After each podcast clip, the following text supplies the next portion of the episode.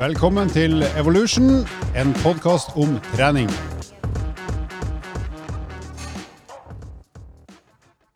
Jepps, da er vi tilbake igjen i eh, Evolution podkaststudio. Og eh, vi har et eh, kult, spennende tema i dag som vi kommer tilbake til snart. Men først en runde rundt et lite og hvitt bord. Og vi skal begynne med han Lars, den pene av oss med skjegg fortsatt, som har vært på rypejakt. eh, Knegg, knegg. Hvordan har eh, uka di vært, Lars? Nei, du eh, Den har vært ganske bra. Jeg har kosa meg oppe i nord. Og traska ganske mange kilometer. Så jeg faktisk Andreas skryter jo alltid av hvor mange kilometer han har dekka fra, fra Nittedalen og ned hit og sånne ting. Og nå skal jeg skryte av mine vel 100 kilometer trasking i løpet av den siste uka. Så hadde jeg omsatt det i trening, så hadde det blitt eh, ganske bra. Men hvor mange kilometer gikk du per rype skutt eller eh, bedekt? Å fy, det er et godt spørsmål. du veit hvor mange jeg har, vet du. Det er det som er så Ja, ja, ja. ekkelt gjort her. Eh, Matte har jo aldri vært min sterkeste side, men det er ca. ei rype per ti kilometer gange. Jeg det. Ja, det er innafor, iallfall når du veit hvor mange jeg har bomma på. da. Ja. Så har vi han eh, oss, mannen med den eh, tidløse sveisen. Andreas, hva har du gjort i det siste? Uh, nei, jeg har ikke jakta ryper, eh, i hvert fall.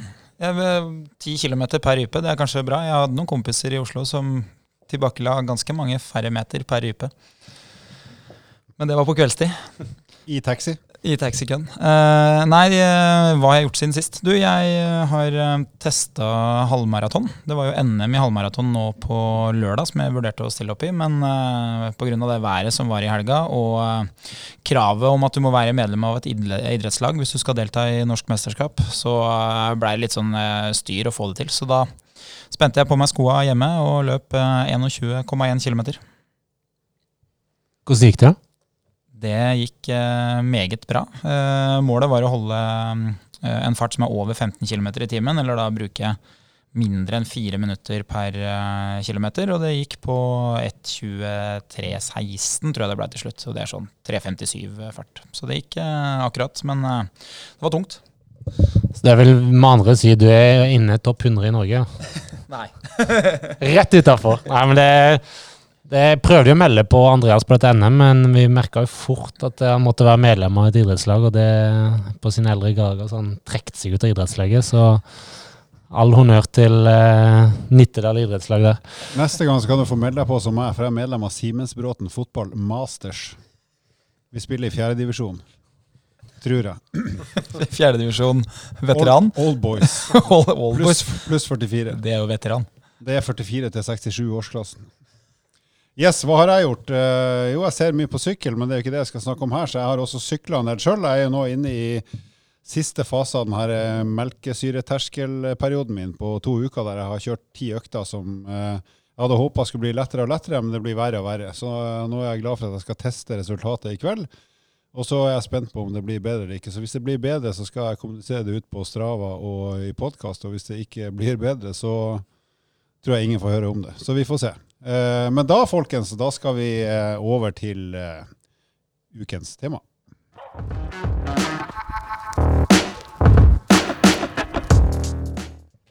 Jepp. Og med oss i studio i dag så har vi fått to relativt unge menn. De er ikke lovende lenger, men de er iallfall unge. Marius Krate og Eirik Bakken, og de holder på med noe spennende som vi skal snakke om i dag. Og det er et prosjekt som heter Opptur. Så da, gutta, tenkte jeg, hvis dere sier først litt uh, og forteller litt om dere sjøl Uh, Trenger ikke å vite favorittbøker og sånn, men eh, litt mer som er relevant for lytteren, så vi skjønner hvem dere er. Og så eh, skal vi snakke litt mer om det prosjektet etterpå, som dere egentlig holder på med konstant. Marius, du kan begynne. Topp, veldig bra. Tusen takk for at vi fikk komme til podkasten deres. Eh, mitt navn er Marius. Jeg jobber som personlig trener på EVO Nordstrand. Samtidig så driver jeg en egen klinikk hvor vi driver med osteopatibehandling. Um, ellers fra Fredrikstad. Og har eh, akkurat uh, flytta inn i ny leilighet, så vi har drevet og båret inn og ut av uh, gammel leilighet til ny leilighet. og det er kanskje treninga jeg har gjort siste, siste uka nå. Men Utover det så løper du en del, ser jeg på Strava. Ja, prøver å løpe litt. Har vel en eh, to, tre, fire økter eh, i løpet av uka, da. Du er på et bra, bra nivå til å være eh, sånn eh, normaltrent. Pluss. takk. Ja. På ikke nivå med Andreas eller deg eller uh, Du er på mitt nivå, da. Jeg er så dårlig at jeg slutta. Jeg begynte å sykle. Og så har vi han andre, Eirik. Yes. Jeg heter Eirik Bakken og jobber på EVO Nordstrand som personlig trener. Jeg liker å holde meg i form, jeg også. Gammel skiskytter, faktisk. Jeg er fra bygda Modum kommune. Men eh, ja, stortrives med Oslo-livet og personlig trenerlivet. Modum og omegn det er jo et område der det virkelig har vært mye gode kondisatleter opp gjennom historien. Det er sant. Jeg var aldri en av de. Du prøvde iallfall en stund. Jeg prøvde, men det ble med forsøket. Ja, ja, men det er bra, det. Men eh, gutta, fortell litt om opptur. For det har jo vi som sitter rundt her, vi har jo fulgt dere i stund og hele prosjektet. Altså prosjektet, hele konseptet. Så fortell litt om hva er egentlig opptur? Hva er dere driver med der? Opptur er et eh, lavterskeltilbud for de som ønsker å komme i gang med aktivitet, eller for de som er litt aktive fra før, og kanskje ønsker litt mer kontinuitet i, eh, i treninga si. Så det vi Bakgrunnen for hvorfor vi starta dette her, er jo vi har jobba i treningsbransjen som Peter begge to i mange år. Eh, og så at vi ikke nådde folk flest, da. De som Mm. virkelig trenger å komme i gang med aktivitet, Ja. de kommer ofte ikke inn på treningssenteret. Så da ble vi veldig inspirert av en som heter Ole Petter eh, Gjelle. Han er min tidligere foreleser. Han er fastlege og hjerneforsker. Eh, som starta et eh, aktivitetstilbud for sine pasienter i Åsgårdstrand i 2014. Eh, Så vi sparra litt med han i forkant av dette her. Vi starta i ja, rundt sommeren eh, 2018. Begynte vi å drodle med ideen. Og så hadde vi første gruppa da i januar 2019. Eh, ja, så Bakgrunnen for det var at vi ønska å nå flere enn det vi nådde på treningssenteret, og kunne hjelpe flere på én gang. Så hvis du skal beskrive den typiske deltakeren, hva er liksom gjennomsnittsdeltakeren? Eh, alder, kjønn, form, interesse for trening. Hva vil dere si da? Der vil jeg si at uh, en typisk deltaker er uh, kvinne 59 år. Det er omtrent som meg, det. Det er omtrent som deg. Men det er i hvert fall alder, da. Ja. Og så er det ja, de som enten er inaktive fra før, eller som sliter med å ha kontinuitet med trening. Så det her er folk som eh, enten trenger å begynne å bevege seg, eller som kanskje har lyst til det òg, men som kanskje ikke helt vet hva skal jeg gjøre for å komme i gang med en aktivitet som både man får til, og som hjelper på helsa. Er det sånn røftlig oppsummert? Ja, det vil jeg si. Og vi starter alltid med et uh, foredrag. Et uh, veldig sånn lavterskelforedrag der vi forteller om helsegevinstene man får med fysisk aktivitet.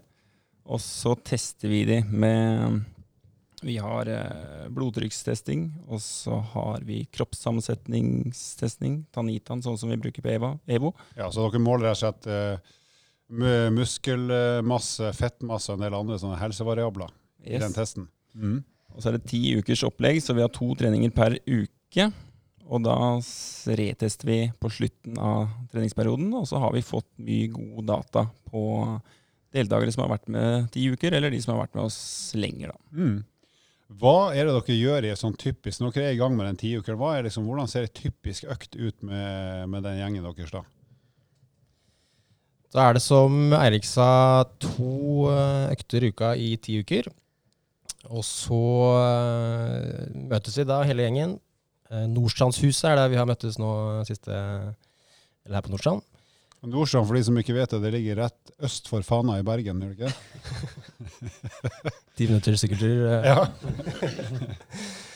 Nei, så møttes vi der, og, så, og noe av de viktige sånn det er jo, En ting er jo å være aktiv, en annen ting er å være aktiv over tid. Da, ikke sant? Så noe av trikset vårt for å få det på trening, er jo at vi har litt opprop når vi møtes. At vi sier navnet deres, krysser av i margen når de er der. Sånn at de føler litt på at de faktisk må, må møte opp. Eh, Så der står vi, hele gjengen. Og så har vi eh, to nivåer eh, nå. Litt basert på formen de er i utgangspunktet. Og så har vi, vi er tre trenere, i og med at vi er såpass mange på Nordstrand, så har vi delt opp i to nivåer. Tre trenere, så to av oss tar nivå én, og én tar nivå to. Og så går vi samla nedover Nordstrandveien Finner eh, en eller annen bakke på Nordstrand. Det er jo et eldorado med bakker der, så vi er veldig heldige sånn sett. Det mest oppoverbakka har jeg funnet ut. Ja, det er absolutt. Og eh, nivå to så kjører vi eh, fire treminutters intervaller i motbakke. Så forholdsvis tøff økt, Ja, ja. da. Eh, og tre minutter på nivå én. Mm. Er dette da basert på Helgerud og Hoff sin tankegang, eller er det, hva er bakgrunnen for valget av eh, den treningsformen og det volumet? Vi spara litt med Ole Petter eh, i starten av økta, og han hadde kjørt et lignende opplegg. Eh, og så er det litt sånn basert på egen erfaring, og som du nevner, eh, studiet som er gjort der. Og så har vi liksom testa litt. Vi har jo lært veldig mye i løpet av halvannet år på hva som funker. Og fant ut at tre ganger tre det var eh, tungt nok til å gi en effekt, og også overkommelig nok til at folk ble med på det. Mm. Hvor lange pauser har dere mellom hver intervall? Altså hver tre eller fire minutter? Eh, pausa blir at vi går ned bakken. Ja. Eh, så litt avhengig av hvilket nivå man er på, så tusler man ned, og så ja, blir det på en måte naturlig pause der. Da. Og hvor hardt er det her, eh, ikke nødvendigvis i prosent av puls, men hvor hardt opplever deltakerne at det her er, sånn på en subjektiv opplevelsesskala? Er det sånn helt i kjelleren, eller er det tungt, men ikke helt katastrofe? Eh, det er vel det siste der. Tungt, men ikke helt katastrofe. Ja, Og jeg tror, i hvert fall sånn tilbakemeldingene vi har fått, er at uh, det er tungt, men ikke sånn at du liksom ser mannen med ljåen første intervallene. Så ja. Og den dosen her, hvis man gjør det to ganger i uka, det vet vi jo fra forskning og erfaring, at da, da er det kjempegod trening for hjerte og helse, egentlig. Så da ville man tenkt at får man til det her over ti uker, så vil de fleste kunne eh, få ganske god framgang. Hvordan er resultatene, hvis dere ser liksom sånn med et overblikk på både kroppssammensetning, vekt, form, alle de variablene dere måler, hva er liksom gjennomgående et sånn resultat hos deltakerne? Det er jo litt individuelt, selvfølgelig. Det spørs jo veldig på oppmøtet. Men uh, vi ser gode resultater i nedgang i fettprosent bl.a. Blodtrykket har blitt bedre. De svarer også på en sånn subjektiv eh, kartlegging i forhold til mental helse, og der ser vi også at det er eh, bedring, da, sånn at vi fungerer bedre sosialt bl.a. Bedre søvn. Jeg har fått så mye fin, fin data. Bra. Det ja, eh, apropos det mentale der, hva, hva er tilbakemelding og hva opplevelse har de rundt det aspektet der? Det er jeg litt sånn nysgjerrig på. Det er eh, Vi har en sånn uh, Coop Wonka-test, heter den, og da har de sånn De er krysser av på skala hvordan de føler seg i forkant av kurset, og hvordan de føler seg i etterkant av kurset. Og når vi da sammenligner de, sammenligner de så har de bedre score, stort sett, på hvordan de fungerer sosialt, øh, hvordan de sover, øh, mindre uro, angst. Det er øh, også bra score på. Så det her er rett og slett også en hjelper, ikke bare for fysikken, men, men topplokket også, rett og slett, så hele livspakka blir bedre hvis man blir med og får det til. Helt klart. Vi har stort fokus på det. Og det i hvert fall jeg syns er veldig kult med de øktene, er at når vi går nedover uh, før intervallene, så er det noen ganger litt sånn inneslutta gjeng. Men etter intervallene, når vi går tilbake igjen og skal styrke bit, så har de åpna seg mye mer, og det er mye mer latter i gruppa. og Det er kult å se da hvor uh, potent fysisk aktivitet er. Ja. Det er et eller annet med å bli sliten sammen med andre. Da er det litt eh, lettere å slappe av på alle måter etterpå. Og man blir litt mer omgjengelig når man er lykkelig, lykkelig og sliten. Helt klart. Men eh, jeg må litt tilbake igjen til tall og framgang, for jeg liker jo eh, litt sånn beinhard effekt. Hvis, hvis du har en snittdeltaker da, som er med på alle de øktene der i ti uker, så to ganger i uka så er du med på opplegget til punkt og prikke, hva, hva, hva vil han typisk kunne si er en sånn normal framgang for et sånt menneske? Ja, vi har gjort uh, Det vi prøver å få litt fokus vekk fra, er kanskje akkurat det med vekt. Da, ikke sant? Det er grunnen til at veldig mange begynner å trene, er at de har lyst til å gå ned i vekt.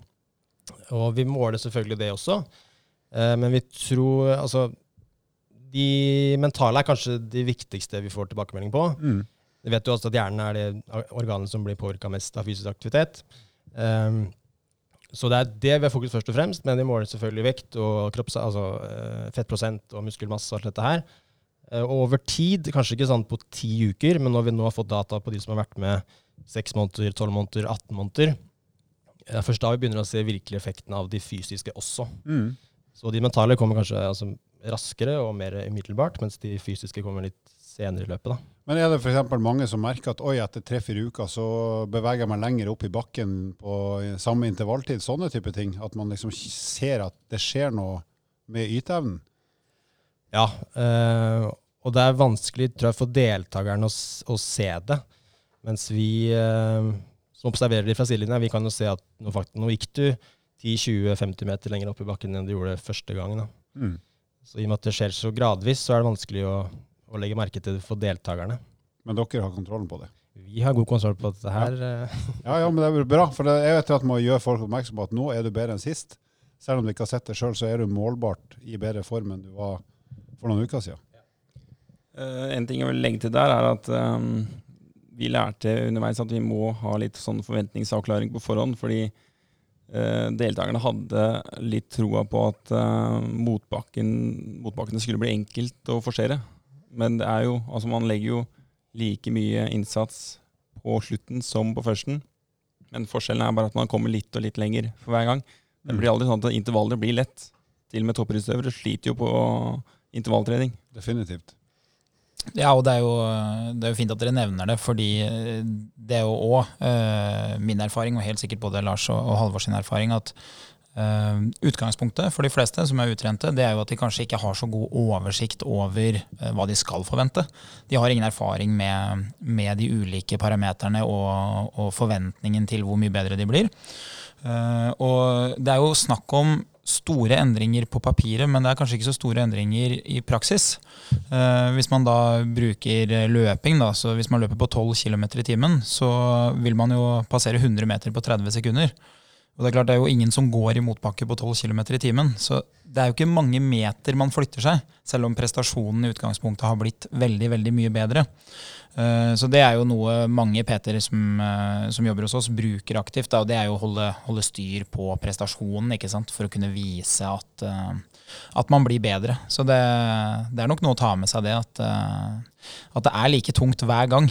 Men at man faktisk blir bedre fra gang til gang. Da. Så du er like sliten, men du får gjort litt mer gang til gang. Og det er jo, det er jo sånn det skal være. Så tror jeg også det har litt De merker det veldig i hverdagen. da. En ting er at de er veldig slitne på trening, og det, de er slitne hver gang de er på trening. Men hverdagsaktiviteter eh, går lettere. Så det å kanskje kunne springe til, eh, til T-banen eller trikken, eller å ja, bære ungene sine og ting som var tungt før, går nå lettere fordi de er i bedre form. Og det er veldig gøy å få tilbakemelding på.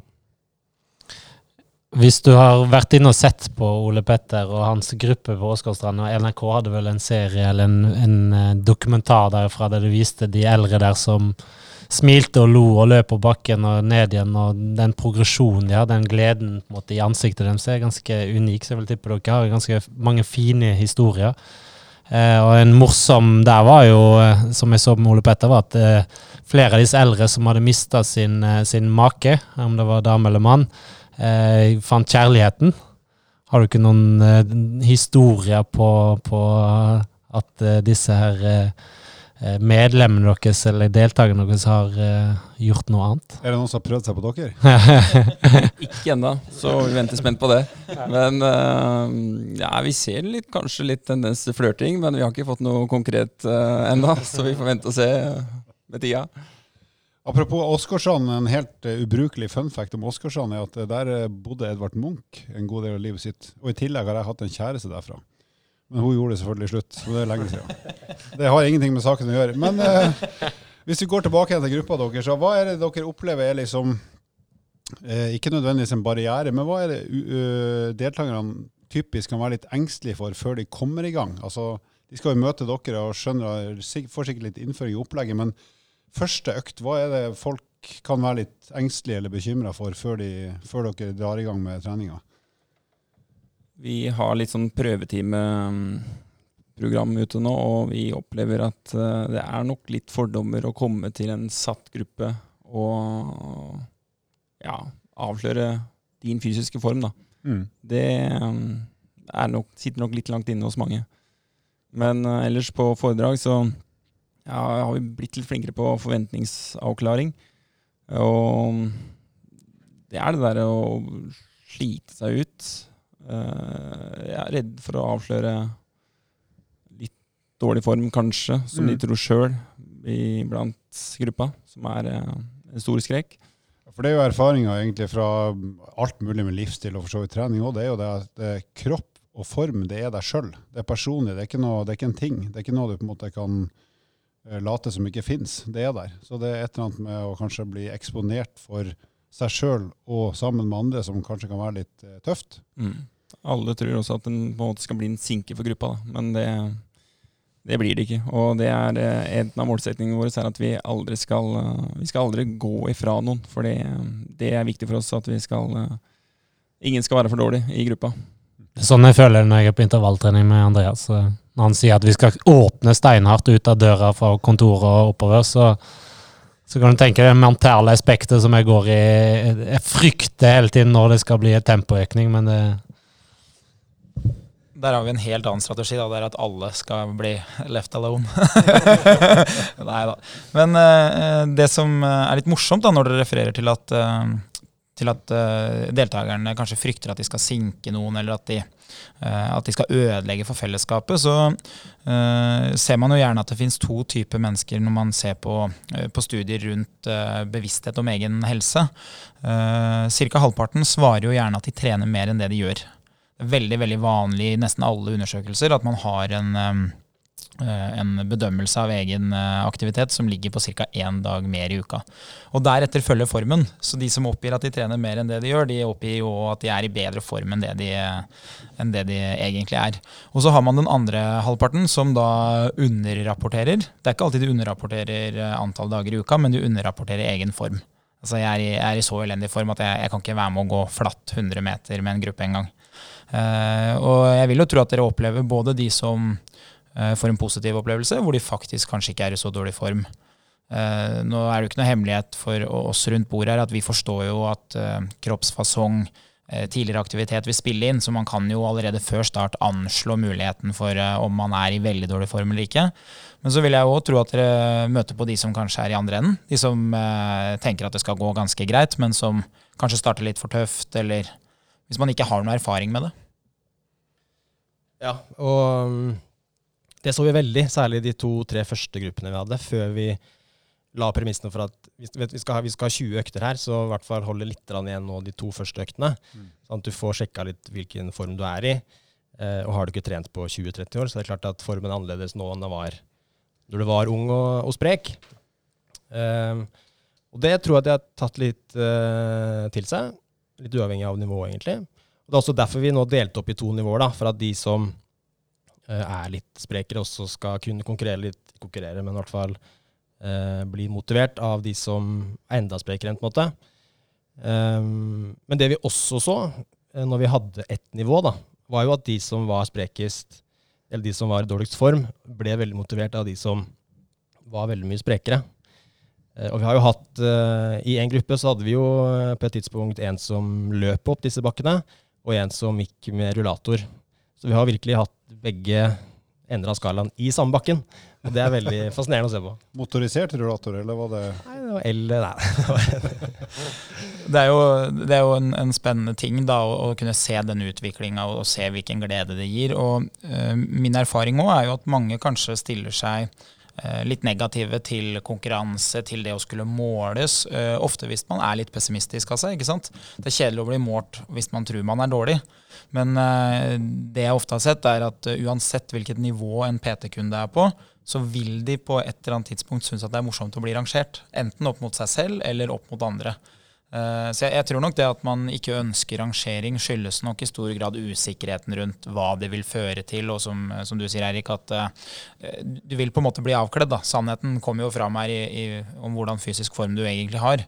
Men uh, når den først er framme, og alle er kjent med det, og du har vært med i to-tre uker, så tror jeg jo de fleste syns at det er morsomt å, å rangeres. da. Enten om det er for seg selv, eller om det er uh, overfor andre. da.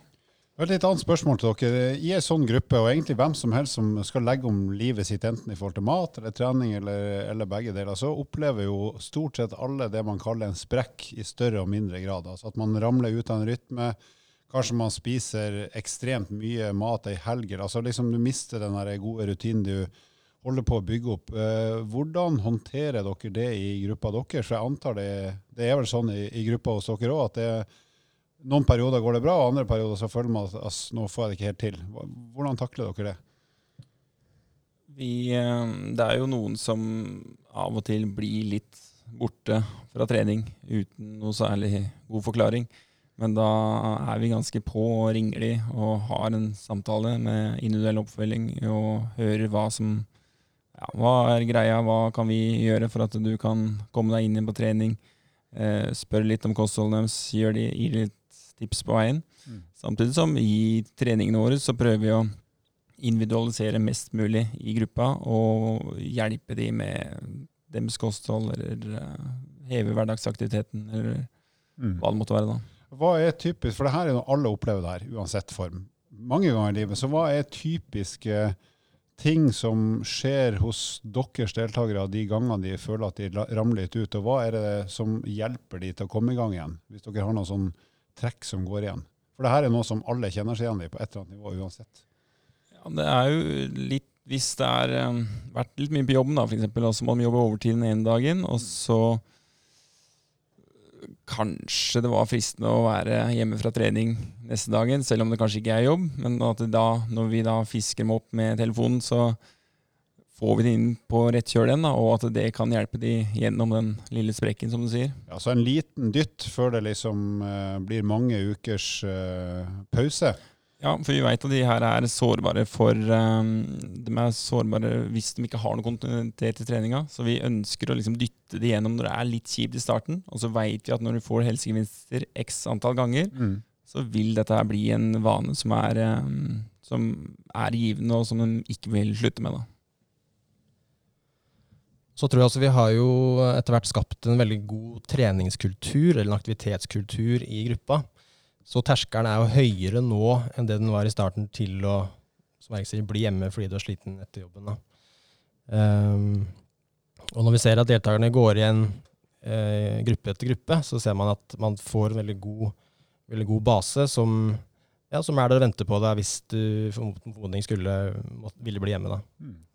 Så den kulturen jeg prøvde prøvd å skape, den eh, har vært uh, veldig avgjørende for oppmøtet. Mm. Jeg, jeg blir veldig fascinert av det. Uh, jeg er jo god på planlegging, verre på, på gjennomføring, som, som Halvor pleier å si. Men uh, for våre lyttere der ute uh, som er jo spredt over hele landet, og som kanskje blir litt nysgjerrig på konseptet, og kanskje starter tilsvarende gruppe i, i sitt lokalsamfunn, har du kunnet tips til deg hvordan de skal starte, og hvor, hvor starter de? For å lage til et sånt konsept, uten at du trenger å dele alle hemmelighetene, men eh, Eller rett og slett, hvordan kan man få folk i gang med trening? Ja. Altså på individnivå, eller hvor som helst. Ja, nei, Vi har jo sett uh, at flere og flere bruker jo oss på Nordstrand nå. Uh, og da har vi jo sett at behovet for å være aktiv er jo ikke bare på Nordstrand. Uh, og vi har jo satt i gang en gruppe i Fredrikstad. Eh, vi ruller ut en gruppe i Lørenskog i januar. Eh, Kristine Strømsnes fra EVO Snø er jo med der. Eh, og også i Rakkestad fra januar 2021. Så hvis noen har lyst til å ta en oppturgruppe, så er det bare å si ifra til oss. Så det hadde vært gøy å få flere PT-er med på laget. Eh, har dere noen, eh, Som trener så blir man jo knytta til de man trener, enten det er voksne eller unge eller hva som helst. Og alle vi som er trenere, har jo glede av å se at folk får det til på alle nivå. Hvis dere skal trekke fram noen sånne foreløpig gode minner eller opplevelser dere har hatt med oppturgruppa, hva er det som på en måte har gleda dere mest med enkeltindivider eller grupper av alt det fine som skjer der? Er det noe som stikker seg ut som liksom, det her var skikkelig kult å se at den og den fikk det til sånn og sånn, eller? Vi har jo noen caser hvor det har vært eh, vektnedgang inntil 10 kilo og følt seg mye bedre i hverdagen, men det som kanskje gleder meg mest, er alle de småhistoriene vi får fra deltakerne som kjenner at de mestrer hverdagen bedre nå, har kanskje mindre angst og uro. Eh, ting går lettere, da. Og at de blir motivert til å gå ut i marka i, hel i, i helga. Det er eh, det som gleder meg mest, i hvert fall. Mm. Og vi har også en sånn eh, intern eh, Facebook-gruppe for de som er med på opptur. Eh, og der deler de jo nesten daglig aktivitet de har gjort på egen hånd, og på den måten motiverer andre i samme gruppe til å være aktive den dagen. Så kjempegøy nå å se at uh, mange deler fra fjellturer og gåturer de har vært på i løpet av en helg, og motiverer hverandre. Ja, det er bra. Eh, når de er ferdig med ti uker og har kommet i bedre form og åpenbart har et hyggeligere liv, er det mange av de som velger å trene videre med dere, enten som PT eller inne på et treningssenter, eller som, eller som bare holder det gående sjøl? Hva er liksom normalen der? Vi har med Som sagt så har vi nå etter hvert danna en veldig god eh, base på mange som har vært med over lengre tid. Eh, Så mange velger å fortsette, fordi de ser at dette her eh, I og med at vi hadde ti uker, det var for å kunne danne noen vaner, ikke sant? komme i gang med aktivitet. Og jeg tror terskelen for å gå inn i et tiukersopplegg er litt lavere enn å f.eks. gått inn i et halvt år årsopplegg. Mm. Så vi har lyst til å få det med på ti uker, og, og vi vet jo at aktivitet fungerer, både på det fysiske og mentale plan. Eh, og da ser de gleden av det, og syns det er kult å være i en gruppe, da, ikke sant? Eh, og møte oss, forhåpentligvis. Og da bli med gang etter gang. eh, og det er veldig gøy. Så de fleste blir jo med videre også. Mm. Så har vi fått et eh, fantastisk samarbeid med EVO, og da har vi også de som ikke ønsker å være med oss i gruppe mer, så har vi, har vi fri trening for de da, inne på EVO-sentrene. Og det Mm. er også morsomt å se de gamle deltakerne i, på jobben på Nordstrand, blant annet. Ja, så de er inne på treningssenteret også, flere av de, og, og trener etter å ha kommet i gang skikkelig med oppturkonseptet. Ja, mange er det. Ja, det er, jo, det er jo noe vi eh, på vegne av EVO da ønsker å, å fremme. Det er jo klart at eh, det finnes jo mange ulike sider av treningsbransjen. Og, og det å bygge opp under de sidene som virkelig gjør god samfunnsnytte, det, det syns jeg jo eh, er morsomt å kunne være med på på vegne av oss. Og så må jeg si på vegne av meg sjøl, som snart er minstepensjonist, at jeg gleder meg til å bli, eh, bli med på opptur om et par år. For jeg er så gammel og veik at jeg må begynne å gå bakka på Nordstrand. Jeg vet ikke om du kan få lov å være med i en sånn gruppe. Jeg tror du egner deg best i en sånn en- En, enmann- energruppe. enmannscup. Har liksom alltid vært din cup, er det ikke det? Én deltaker, én vinner. Meg selv. Jeg ser for meg Halvor med rullator oppå der, så den, den skal ikke dytte sjøl, elektrisk, for å si det sånn. Ja, er Eller at han løper etter damene. Det har jeg aldri klart.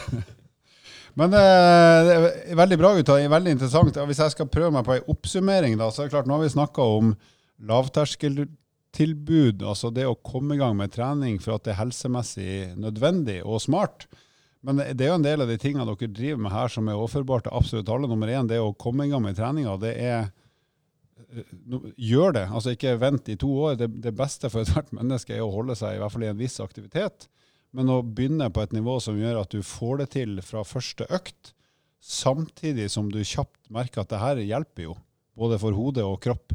Sånn som dere har vært flinke til, åpenbart, at dere legger første økta på et sånt nivå at alle får det til, men likevel så er det i løpet av noen få økter sånn at alle kjenner at det har skjedd noe positivt, både mentalt og fysisk. Og det er jo noe vi alle kan lære av uansett nivå. Selv vi andre her som prøver å bli gode selv om det er for sent, har jo noe å lære av det. ikke sant? Og så er det et eller annet med hvordan håndterer du en liten tilbakegang, for den kommer uansett. Alle har dårlige dager, og ofte mange dager på rad, men hva gjør du da for å hente deg inn igjen? Og det, det jeg tror dere gjør veldig rett i der, det er jo at dere henter inn folk før de får lov å skli helt ut. Så det er klart, Går det åtte uker fra du har sett noe til du tar opp telefonen, så, så har det toget gått. Så da må du vente på et nytt tog, og det tar lang tid. Men hvis du ringer etter tre-fire dager, så har det ikke gått ei uke engang. Og da, har du på en måte, da er du egentlig inne i tralten fortsatt. Du har liksom ikke rukket å ramle ut. Og det tror jeg er smart for oss alle å ha noen som passer litt på oss, om det er en PT eller en eh, kjæreste eller kollega, hva som helst, men som følger litt med, sånn at du ikke får lov å, å skli ut helt alene. Det tror jeg kan være ganske godt tips for oss alle. Jeg har jo to som sitter ved siden av meg, som passer på at jeg prøver å begrense forfallet, så jeg tør ikke å la være. Det er bra. Da skal vi ha en eh, liten lyd, og så er det over til fun facts.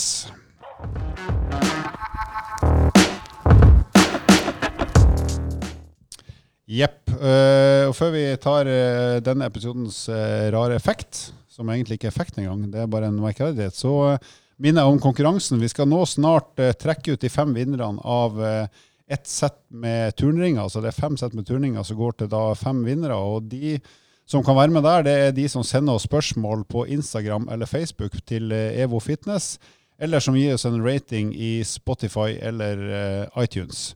Så er det bare å sende inn spørsmål og gi oss rating, så er dere med i trekning av de turnringsettene. Så er det funfacten som eh, vi har funnet fram eh, til nå. og Den er det ikke jeg som har funnet fram, for den er følgende. Det er et faktum at folk som er høyrehendt, lever i snitt ni år lenger enn de som er venstrehendt. Og alle de som har sett meg sparke fotball eller skrive med kulepenn, vet at jeg er venstrehendt og venstrefot. Så jeg kommer til å dø ni år før de andre kjekke karene som sitter rundt bordet her. Og det er jo trist for meg og bra for dere andre. Hva tror dere grunnen er til at det er sånn, i snitt? Ikke se på meg, for jeg er ikke representativ for andre enn meg sjøl. Nei, hvorfor Roberto Carlos skulle ha fare for å stryke med før alle andre? Nei, det vet jeg ikke. Nei, Det er sannsynligvis så enkelt som at de fleste verktøy og ting man bruker til litt sånn røft arbeid, er laga for høyrehendte. Så det skjer flere ulykker med venstrehendte fordi at vi ikke klarer å beherske høyrehendte verktøy og våpen. Jeg har jo bl.a. vært i militæret og holdt på å skyte både meg sjøl og andre for at jeg ikke håndterte høyrehendte Hadde vi, våpen. hadde vi ikke linksgevær? Vi hadde ikke linksgevær, vi hadde heller ikke links håndgranat. Så, så da valgte du å se inn i sikte med det øyet du hadde igjen? Jeg hadde heldigvis litt for kort arm. Du veit at jeg og Eirik har drevet med samme idrett, og vært på de samme stadionene.